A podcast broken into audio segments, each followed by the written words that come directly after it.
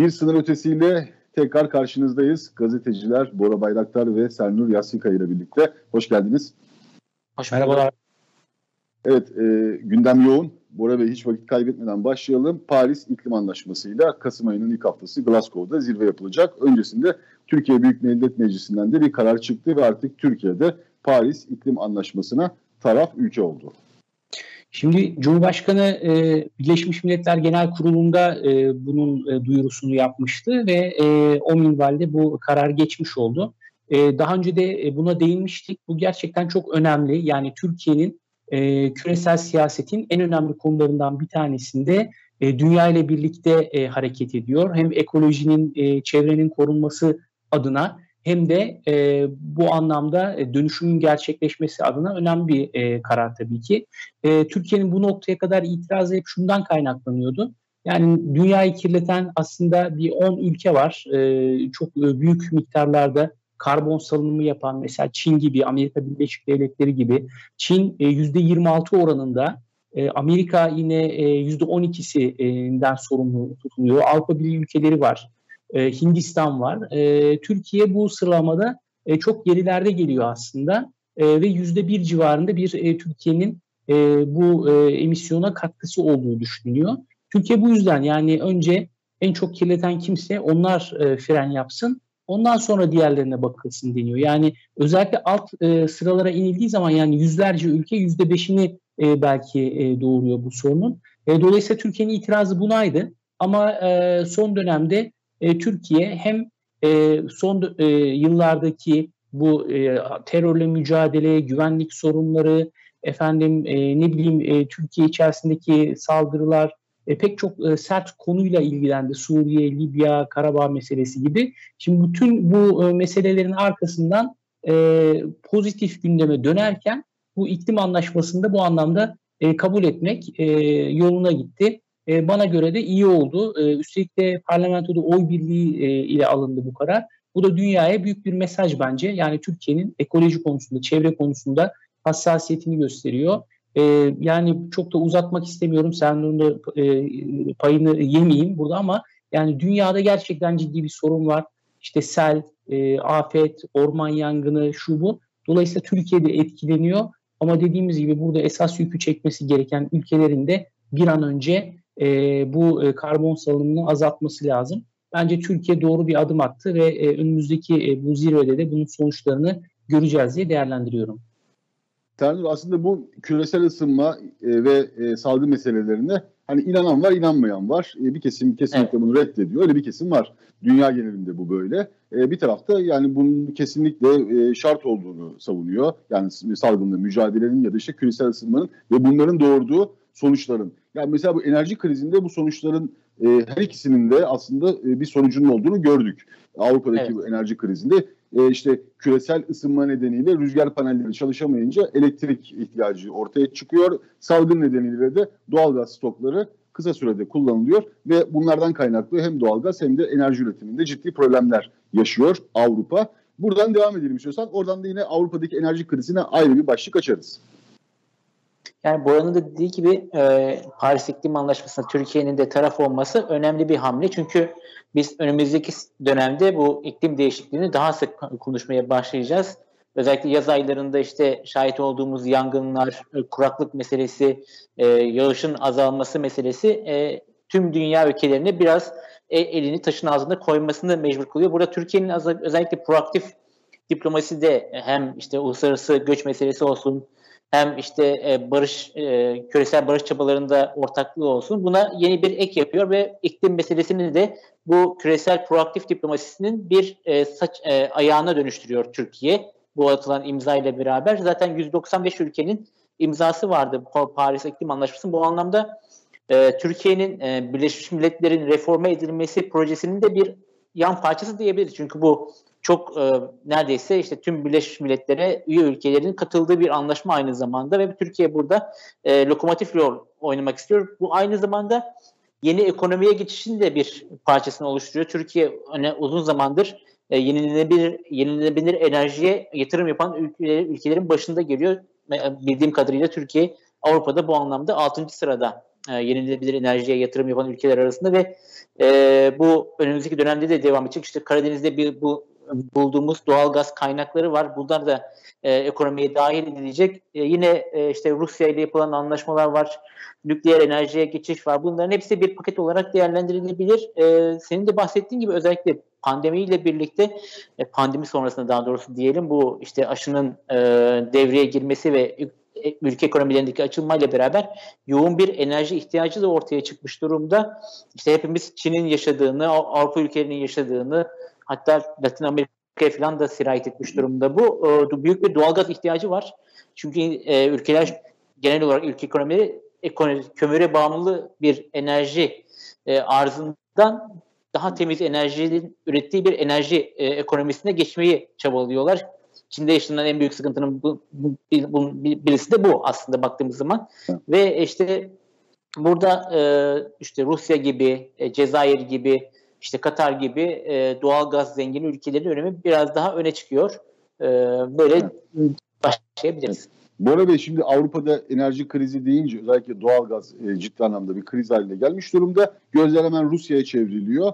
E, Putin'in bir açıklaması oldu arzı arttırma konusunda. O açıklamayı yapana kadar 1000 metrekübü 1927 doları kadar çıktı. Kısa bir süreliğine olsa. Sonra işte 1400'lere vesaire indi.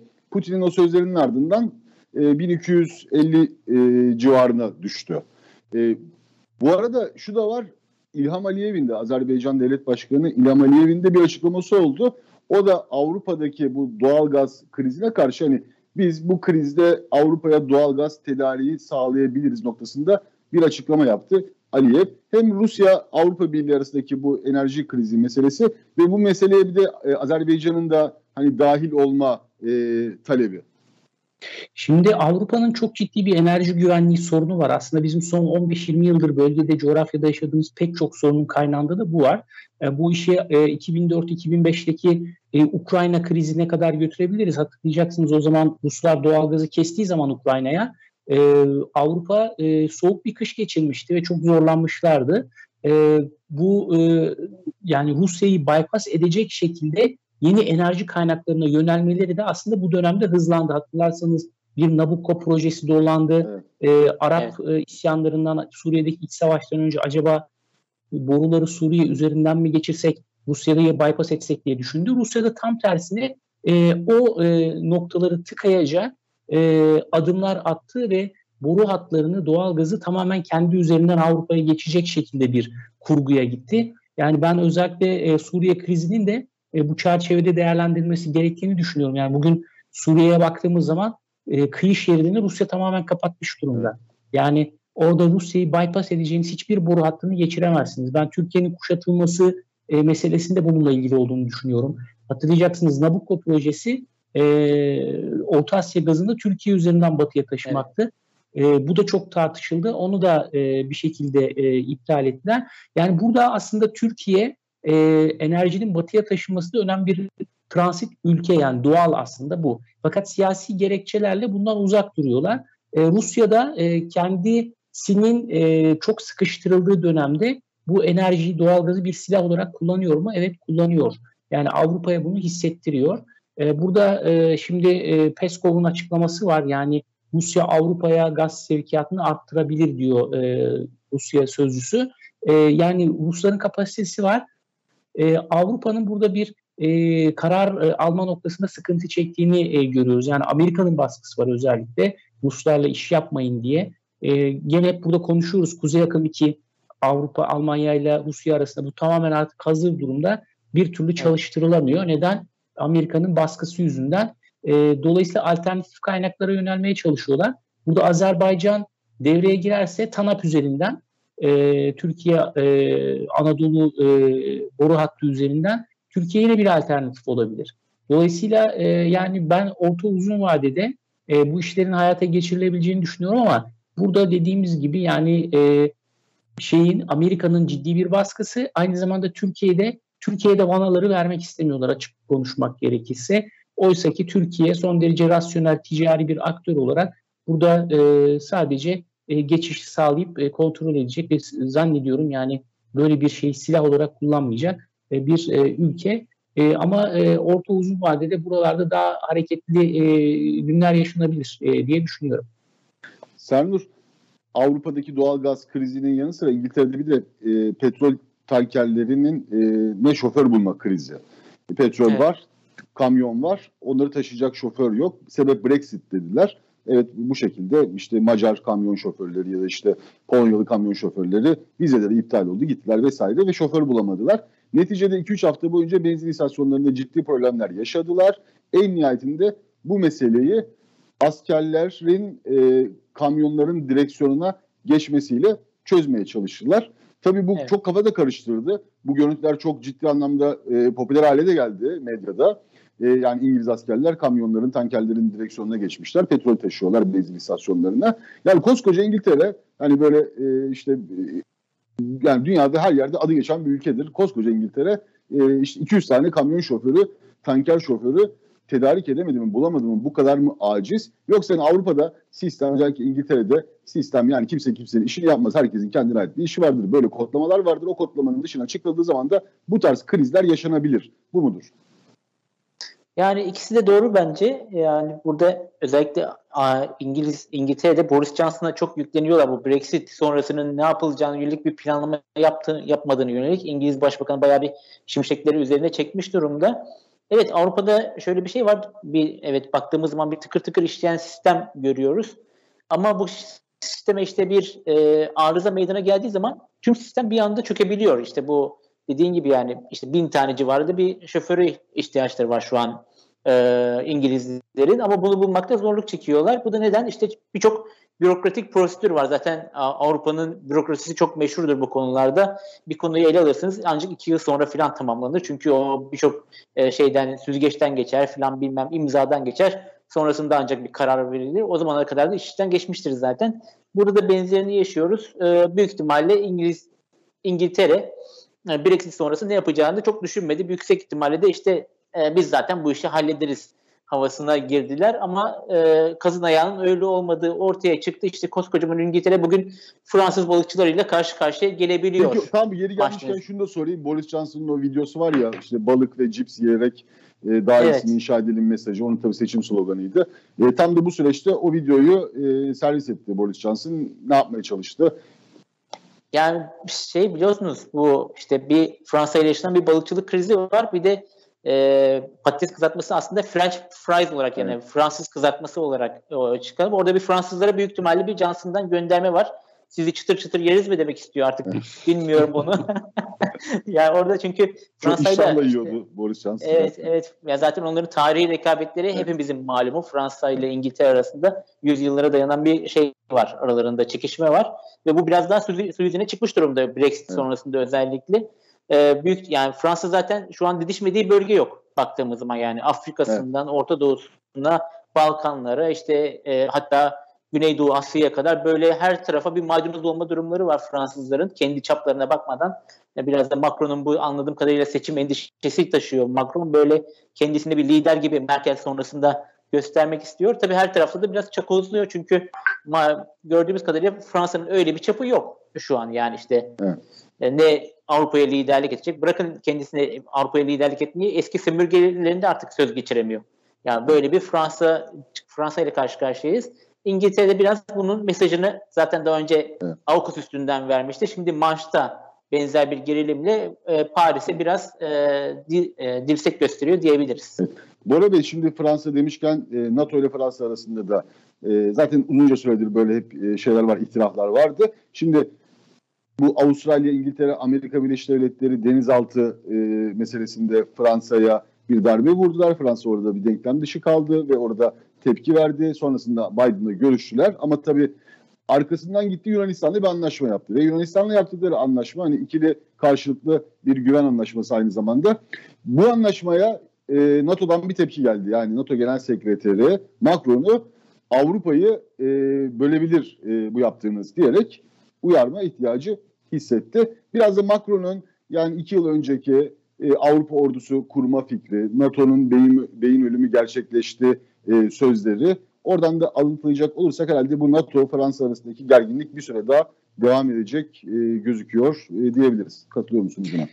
E, tabii yani şimdi e, dünyadan bir haber bir siyasetçinin e, bir ülkenin başına geldiği zaman onun neler e, yapabileceğini gösteren iyi bir örnek yani küçük Napolyon e, diye e, yazıldığı çizildiği e, Macron'la ilgili hatta e, eski Amerikan Başkanı Donald Trump da bayağı bir hırpalamıştı hatırlayacaksınız. Evet. E, yani e, Macron e, şimdi e, tabii ki eski e, Fransa e, özlemi, işte bu Fransa'nın grandeur dedikleri e, büyük e, devlet olma, büyük bir imparatorluk olma e, tarihi üzerinden yürümeye çalışıyor. Yani işin ilginç tarafı mesela e, Türkiye'yi sürekli yeni Osmanlıcılıkla, ne Ottomanizmle e, suçlayanların e, böyle bir e, emperyal e, tarihi hayaller peşinde koşması altını çizmek gerekiyor. Yani bence e, uluslararası basını biraz e, bizler de bunları çalışmalıyız yani bu Fransa'nın durumunu.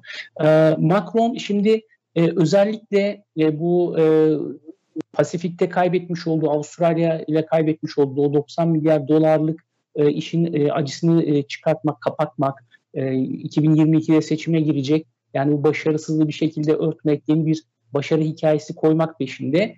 E, burada tabii e, özellikle 4 yıl önceki e, Avrupa seçimlerinde hatırlayacaksınız Türkiye sürekli e, gündem oluyordu sanki başka meseleleri yokmuş gibi. Şimdi Macron'un e, böyle bir e, değerlendirmesi olabilir. Yani yine bir Türkiye üzerinden acaba yürüsem mi e, diye düşünüyor olabilir. Bu yüzden e, Doğu Akdeniz'de e, biraz gerilimi tırmandıracak. İşte Yunanistan'ı e, zaten e, bir maşa olarak kullanıyorlar. Yunanistan üzerinden acaba böyle bir e, kriz ortamı oluşturup üzerine yürüyebilir miyim diye düşünüyor olabilir ama genel olarak baktığımız zaman yani ben e, doğru bir jeopolitik okuması olmadığını e, değerlendiriyorum. E, özellikle Avrupa içerisinde Almanya ile rekabette çok geride kaldığını e, görüyoruz. E, bunu bir şekilde e, kapatma kaygısı var.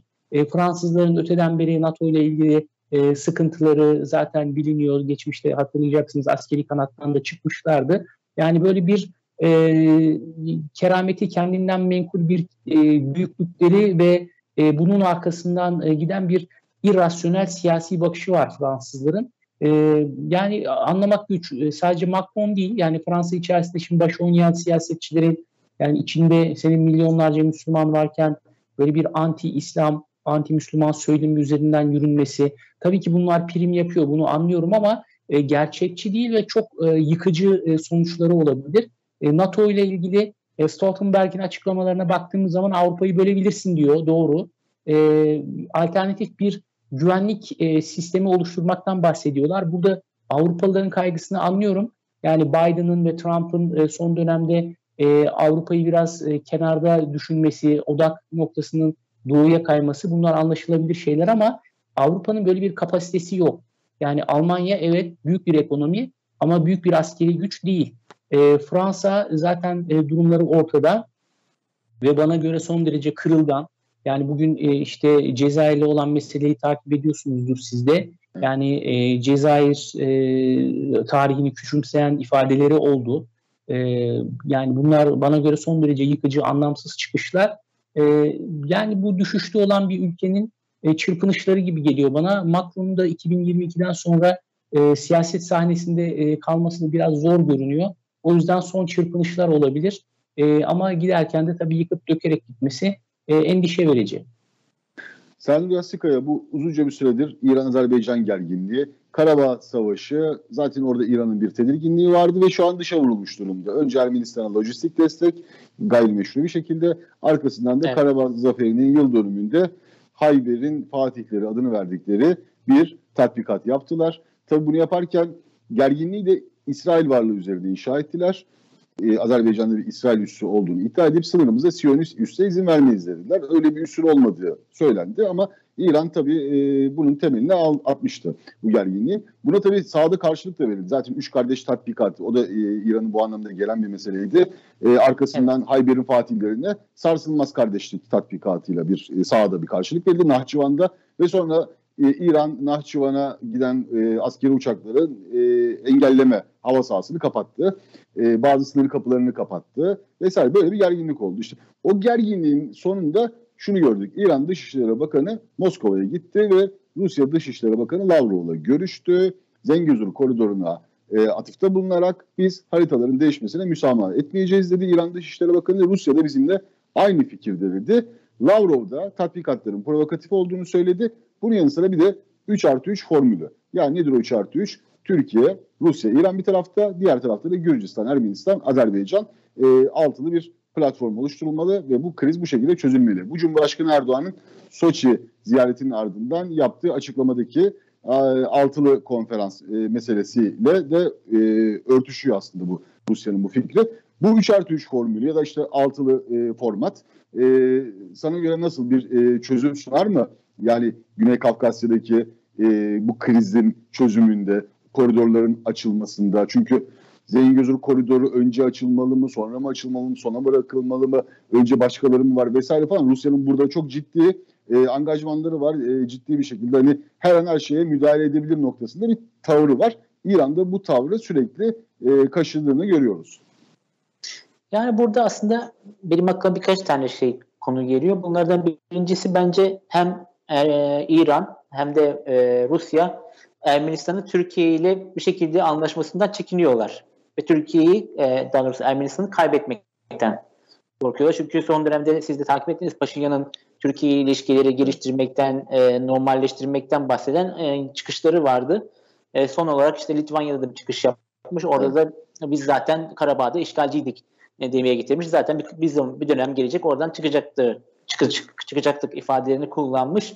E, ikincisi olarak ben mesela Washington'da e, bu e, başta Nancy Pelosi olmak üzere bu Ermeni lobisinin desteğini alan e, senatörlerin e, ve siyasilerin İran'la Ermenistan ilişkilerinin bu kadar girift olmasına yönelik ne gibi bir tepki gösterdiklerini ya da e, söylenen gibi bir yorumda bulunacaklarını çok merak ediyorum. Şimdi siz e, İran'ı ABD'nin e, hem Ortadoğu politikasında hem de genel küresel politikasında bir e, hasım olarak konumlandırıyorsunuz ve bu hasım sizin en büyük lobilerinizden birinin yani desteklediği bir ülkeyle e, işbirliği yapabiliyor. Şimdi Türkiye'nin böyle bir şey yaptığını düşünebiliyor musunuz? Yani Washington'da nasıl bir e, çıngar çıkacaktı? E, buna karşılık işte Ermenistan'da İran, İran, Ermenistan, İran Dışişleri Bakanı'nı konuk ediyor al gülüm ver gülüm mesajlar gönderiyor ama Washington'dan tek bir ses çıkmıyor. Burada işte uluslararası politikadaki Washington'un iki yüzlü e, siyasetini de aslında bu bir yandan görebiliyoruz.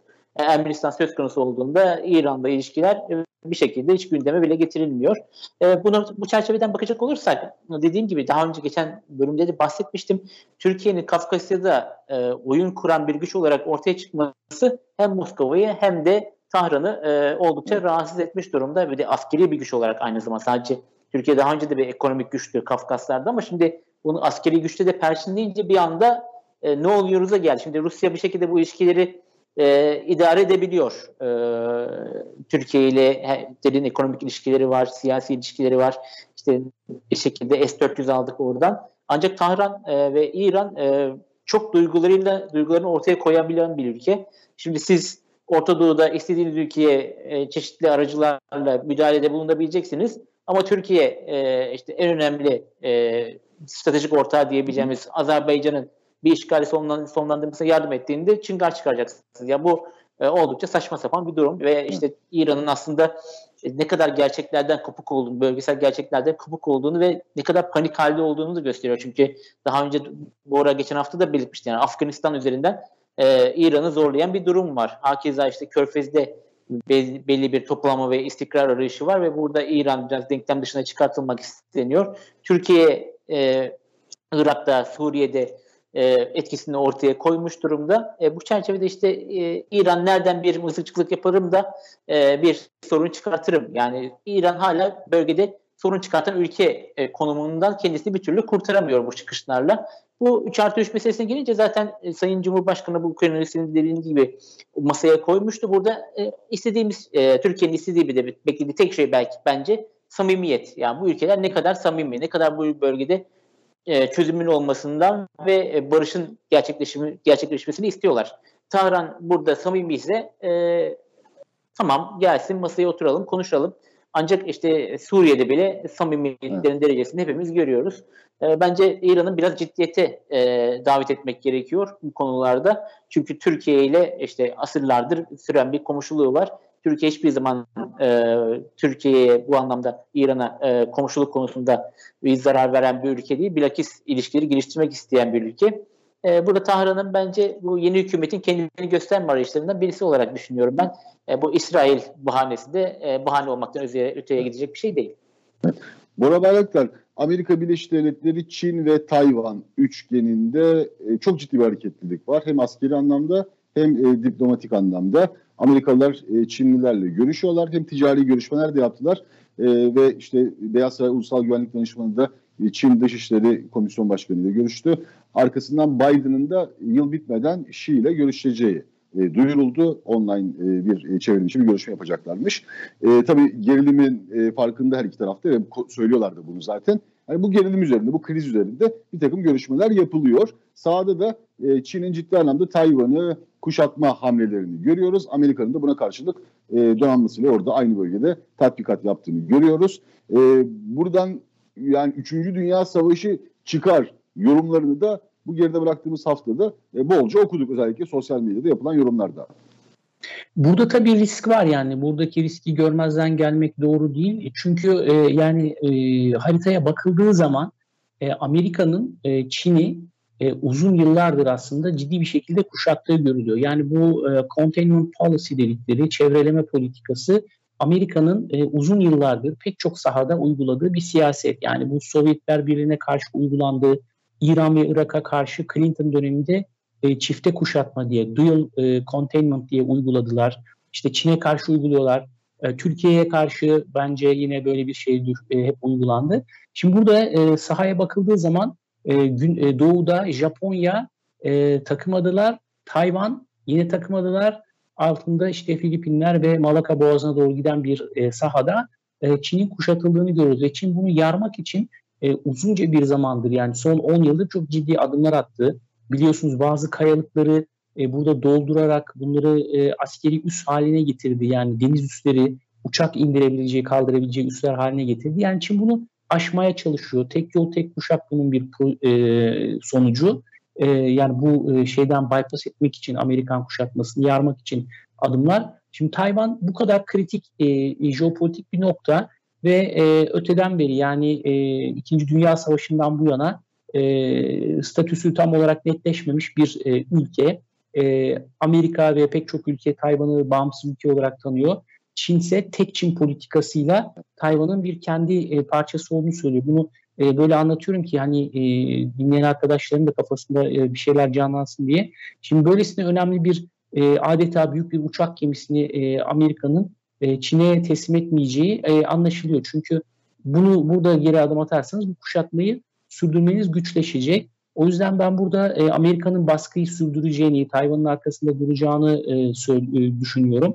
Tabii bazı değerlendirmeler var. Yani Amerika işte Çin'i e, tanıyacak ta, fakat Tayvan'la ilişkileri devam ettirecek. Bu konuda müzakereler yürütülüyor e, yönünde değerlendirmeler var. E, ben e, ama oradaki kilitlenmenin e, böyle bir e, masada çözüleceğini düşünmüyorum. Ha, bir üçüncü Dünya Savaşı'na gider mi? E, ya, ya da bir sıcak çatışmaya gider mi? Ben iki tarafında bundan kaçınacağını düşünüyorum. Yani burada herkes birbirinin kararlılığını test eder. E, proxy'ler üzerinden, vekiller üzerinden mesele devam edebilir. Bir tırmanma olabilir. Çin-Tayvan gerilimi olur ama Amerika'nın e, burada e, dolaylı desteği söz konusu olabilir. Doğrudan e, Çin'e bir müdahale yapması şu anda beklenmez. Çünkü e, yani dünya ekonomisi e, bunu kaldıracak durumda değil. E, burada e, bence e, birbirlerini dengeleme yönünde e, atacakları adımlarla e, devam edecektir. İşte tatbikatlar, tırmandırmalar, ufak çaplı çatışmalar, birbirinin e, içerisinde etkilemeler. Şimdi belki e, soracaksın e, Sernur'a bu e, sosyal medya, Facebook, tweet, e, WhatsApp çökmeleri evet. yani ben bunları gördüğüm zaman hep acaba diyorum e, bir siber savaş mı devam ediyor? Çünkü bunlar daha e, etkili ve aynı zamanda da karşı tarafı da zorlayıcı adımlar. Yani hatırlayacaksınız bir dönem Amerika Çin borsasını Çin e, Amerikan borsasına hedef alan adımlar attığı farklı e, bir mücadele biçimi yürüyor. E, o şekilde bir e, gerilim bekliyorum. Bu şekilde e, tar, e, savaşlar e, bence daha mümkün olabilir. Tabii Serdar o zaman buradan devam edelim. E, Bora Bey'in bıraktığı yerden Facebook'taki, Instagram'daki kesintiler yani siber saldırı mı bu? Aynı e, akşam o 6 saatlik kesinti sırasında tabii dünya genelinde internette de bazı kesintiler yaşandı.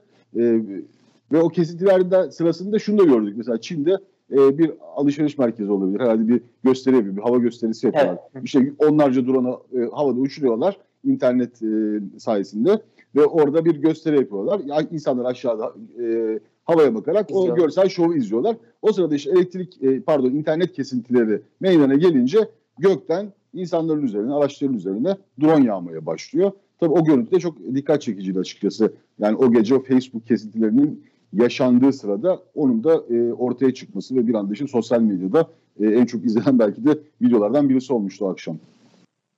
Yani işte o baktığımız zaman bu e, şeyler sosyal medya platformlarının aslında nasıl bir küresel güvenlik meselesine dönüştüğünü görüyoruz. Hem işte o 6 saat mesele e, kesintide mesela Facebook'tan böyle elle tutulur hiçbir e, açıklama gelmemesi bence başlı başına bir skandalı. Çünkü neredeyse 3 milyar işte WhatsApp, Instagram, Facebook'u toplayınca neredeyse 3 milyara yakın bir kullanıcıya hitap ediyor ve Facebook işte bir arıza oldu aman çok özür, özür dileriz ama arkasında ilişkin bir şey yok. Yani ne oldu? Sonradan bir açıklama yaptılar ama bunun ne kadar gerçek olduğunu da bilmiyoruz. Çünkü e, bunlar şeffaf kurumlar olmadığı için ve e, adeta koruma kalkanına sahipler ABD içinde. Çünkü bu Section 230 diye belirtilen bir madde var. Bu maddeye göre bu kurumlardan hiçbir şekilde hesap sorulamıyor ve kendileri adeta hem yargıç e, hem de savcı konumundalar. Şimdi bu durumda yani işte baktığımız zaman e, bir yönetim kurulu adeta dünyanın kaderini elinde tutmuş durumda. Ve işte Bora'nın da belirttiği gibi aslında şimdi e, neyi biliyoruz biz? E, aslında bu Çin hiçbir ABD menşeili e, dijital e, e, platformu kendi e, sınırları içerisinde sokmadı ve bunları yasakladı. İşte Google bile çalışmıyor. İşte Microsoft'ta ancak e, aldığı izinler derecesinde Çin'de aktif olabiliyor. Şimdi burada bir e, siber uzayda bir çatışma var. Bir e, üstünlük sağlama çatışması var. Bunu görüyoruz. Şimdi bunun arkasında e, bu kesintilerin arkasında Çin ve ABD'nin e, karşılıklı rekabeti var mıydı? Olabilir. Yani bunu tam biz işte elimizdeki veriler aracılığıyla çok e, tatmin edici cevaplar veremeyiz.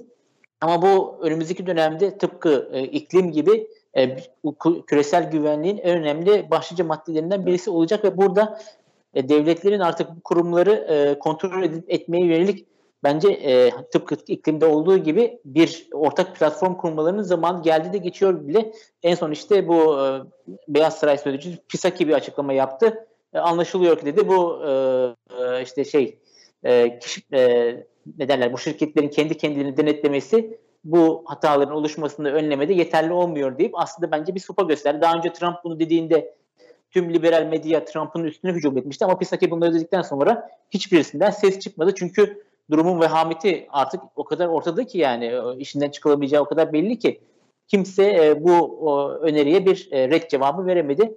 Bence burada esas konu olan bu tür dijital mecraların artık bir şekilde e, kontrol edilmesinin ve denetlenmesinin zamanı geliyor ve uluslararası bir anlaşmayla büyük ihtimalle bunlar e, denetlenmek zorunda. Hesap veril, verebilir duruma getirilmesi gerekiyor. Çünkü e, siz bir dünyanın, e, bir ülkenin kaderiyle oynayabiliyorsunuz Facebook üzerinden. Şimdi işte geçen bugün Guardian'da bir haber vardı. Mesela e, bu Arakan'daki Müslümanları soykırımında aslında Facebook'un çok önemli bir e, sorumsuzluğu var rol oynamış çünkü o dönem Myanmar'da yapılan Facebook üzerinden yayınlanan yalan haberlerin hiçbirisini neredeyse kısıtlamıyor ve Müslümanlara yönelik bu provokasyonların çoğalmasına izin veriyor e, Facebook ve bir yandan da soykırımın soykırımda e, tetikleyicisi konumuna gelmiş olabilir e, bu e, işte de, o süzgeçleri çalıştırmadığı için Facebook.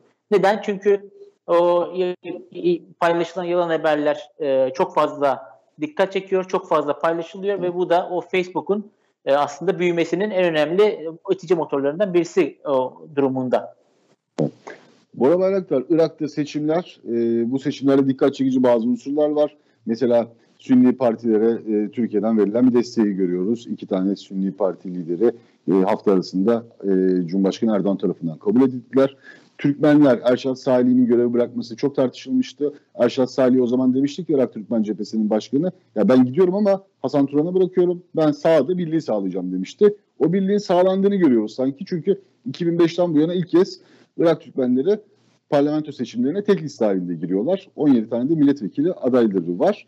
E, ve tabii e, Kazimi cephesi yani Irak'taki mevcut hükümet seçilmiş bir hükümet değildi ama Türkiye'nin belki de son yıllarda e, özellikle Maliki dönemini, Haydar İbadi dönemini hatırlayacak olursak Irak'ta en uyumlu olarak çalıştığı hükümet diyebiliriz. Bilhassa da PKK ile mücadele noktasında. Çok doğru.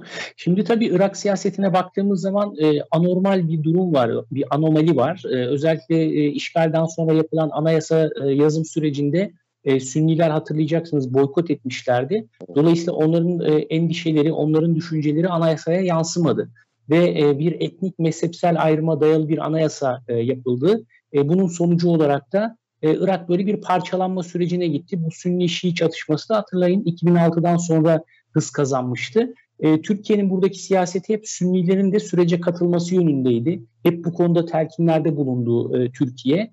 Fakat bunun tam karşılığı olmadı. Üstelik bu mezhep e, kavgasından dolayı hatırlayın Tarık Haşimi eski başkan yardımcısı da e, idama mahkum edildi. Çok haksız bir şekilde. E, ve Türkiye'de e, yaşadı uzunca bir süre. Şu an e, ne yapıyor bilmiyorum ama e, yani Türkiye hep e, bu Sünnilerin siyasetin içinde olmasını e, ve bu mezhepsel gerginliklerin azaltılmasını e, savundu. O yüzden Sayın e, Cumhurbaşkanı'nın bu anlamdaki temasları önemli. Demek ki bu siyaseti Türkiye devam ettiriyor.